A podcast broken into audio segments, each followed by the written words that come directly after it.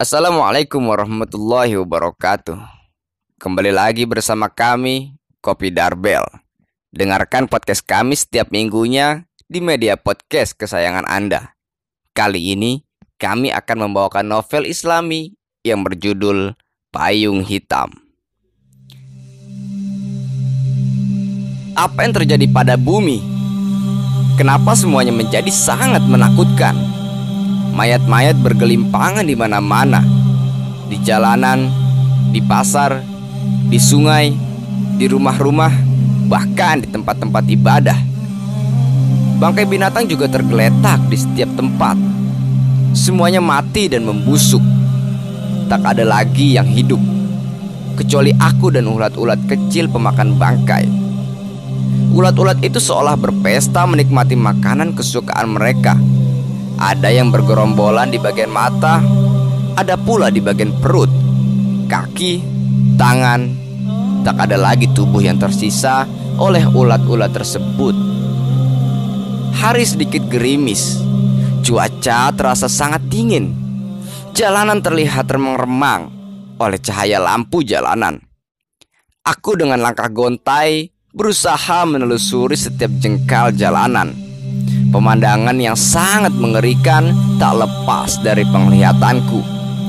Aku terus berjalan sembari berharap dapat menemukan seseorang yang dapat menolongku. Tapi semuanya nihil. Yang ketemukan hanyalah mayat-mayat yang hampir habis dimakan ulat. Di sepanjang perjalanan, mataku selalu memperhatikan sekitar. Kalau-kalau masih ada satu orang manusia yang tersisa. Bau menyengat sangat mengganggu kedua hidungku. Di bawah gelapnya malam, aku berjalan dengan hati-hati supaya kedua kakiku tak menginjak mayat. Ulat-ulat juga membuatku merasa sangat geli dan jijik. Tanpa pikir panjang, aku percepat langkah kakiku menuju sesuatu yang dapat menolongku. Entah itu di mana dan entah itu siapa. Aku terus berjalan. Di sepanjang perjalanan, aku tak hentinya menangis.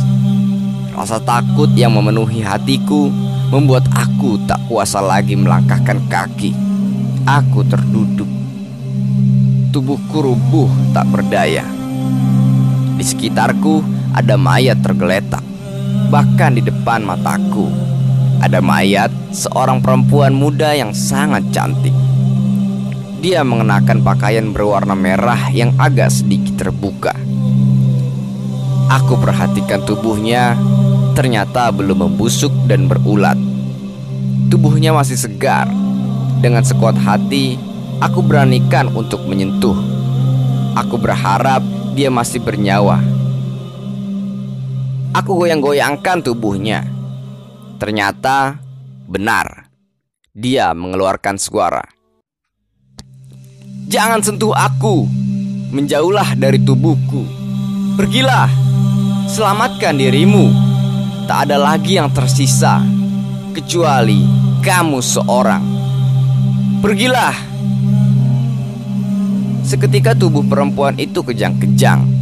Matanya merah, mulutnya mengeluarkan busa yang sangat banyak. Aku hendak menolongnya. Akan tetapi, rasa takut membuat aku lari menjauh meninggalkan perempuan itu. Aku lari sekencang-kencangnya. Sementara pemandangan di depanku masih terlihat sama. Aku mencoba mengingat-ingat kembali apa sebenarnya yang terjadi. Di ujung jalan, aku duduk seorang diri. Kali ini tak ada mayat di sekitarku. Tubuhku basah kuyup. Air mataku menetes. Dadaku terasa sesak. Nafasku terasa berat. Apakah tubuhku akan membusuk dimakan ulat juga? Apakah aku akan menjadi mayat bergelimpangan juga? Apakah ini adalah akhir dari hidupku? Pertanyaan demi pertanyaan terus memenuhi pikiranku. Hatiku kian takut. Di kepalaku terus terbayang pemandangan yang sangat mengerikan itu. Dari kejauhan, Aku melihat seberkas cahaya putih yang sangat terang hingga membuat kedua mataku menjadi silau. Cahaya putih itu terus mendekat ke arahku. Cahayanya semakin terlihat terang hingga mataku menjadi sakit. Hatiku gentar, tubuhku gemetar. Seketika tubuhku jatuh dan aku tidak tahu lagi apa yang terjadi. Inikah kematian? Beginikah rasanya ketika nyawa pergi meninggalkan tubuh? Aku di mana? Kenapa semua tubuhku tak bisa bergerak? Lidahku tak mampu lagi berucap. Air mataku kenapa tidak mengalir? Oh, inikah kematian itu? Apakah ulat-ulat telah merayapi tubuhku? Tidak. Aku tidak rela tubuhku dimakan ulat. Aku tidak tega melihat tubuhku membusuk di jalanan. Oh kematian, segitu kejamnya kau menimpa tubuhku. Telingaku sangat sakit. Aduh, telingaku sangat sakit. Siapa yang berteriak di pangkal telingaku? Aku haus, haus sekali di mana aku bisa mendapatkan segelas air. Telingaku mendengar suara. Ya, suara orang-orang yang memanggil namaku. Tapi di mana mereka? Siapa mereka itu? Kenapa ada suara orang menangis? Mungkinkah mereka menangisi tubuhku yang dimakan ulat?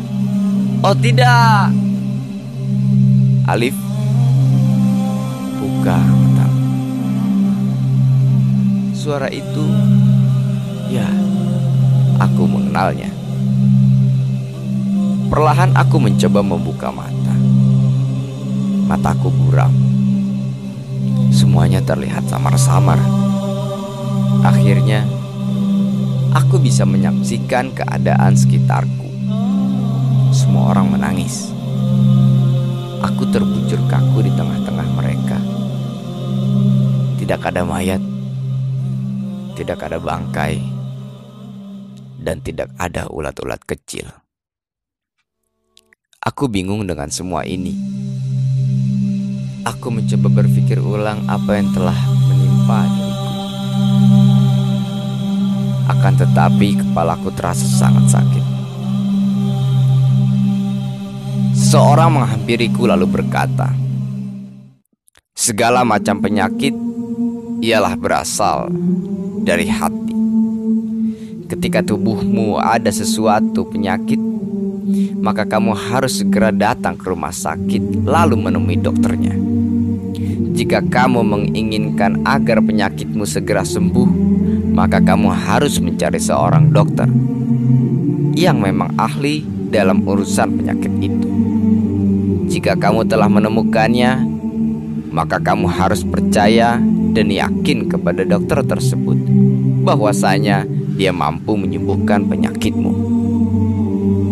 Begitupun halnya dengan penyakit hati. Semisal cinta dunia, takut mati, iri hati, dengki, dan lain sebagainya, itu semua pasti ada penawarnya. Semua yang menimpamu boleh dikatakan itu adalah perjalanan spiritualmu. Mungkin selama ini kamu lengah terhadap aturan Tuhan. Kamu terlalu mencintai dunia. Mayat-mayat yang kamu lihat di alam bawah sadarmu tidak lain adalah gambaran dari akibat terlalu mencintai dunia.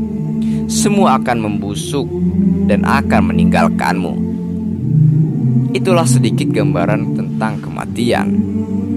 Tidak ada yang perlu ditakutkan selama kita berjalan bersama seorang guru dan orang-orang soleh. Jika kamu ingin sembuh dari penyakit ini, maka aku tidak akan memberitahukan penawarnya. Akan tetapi, ikutlah dengan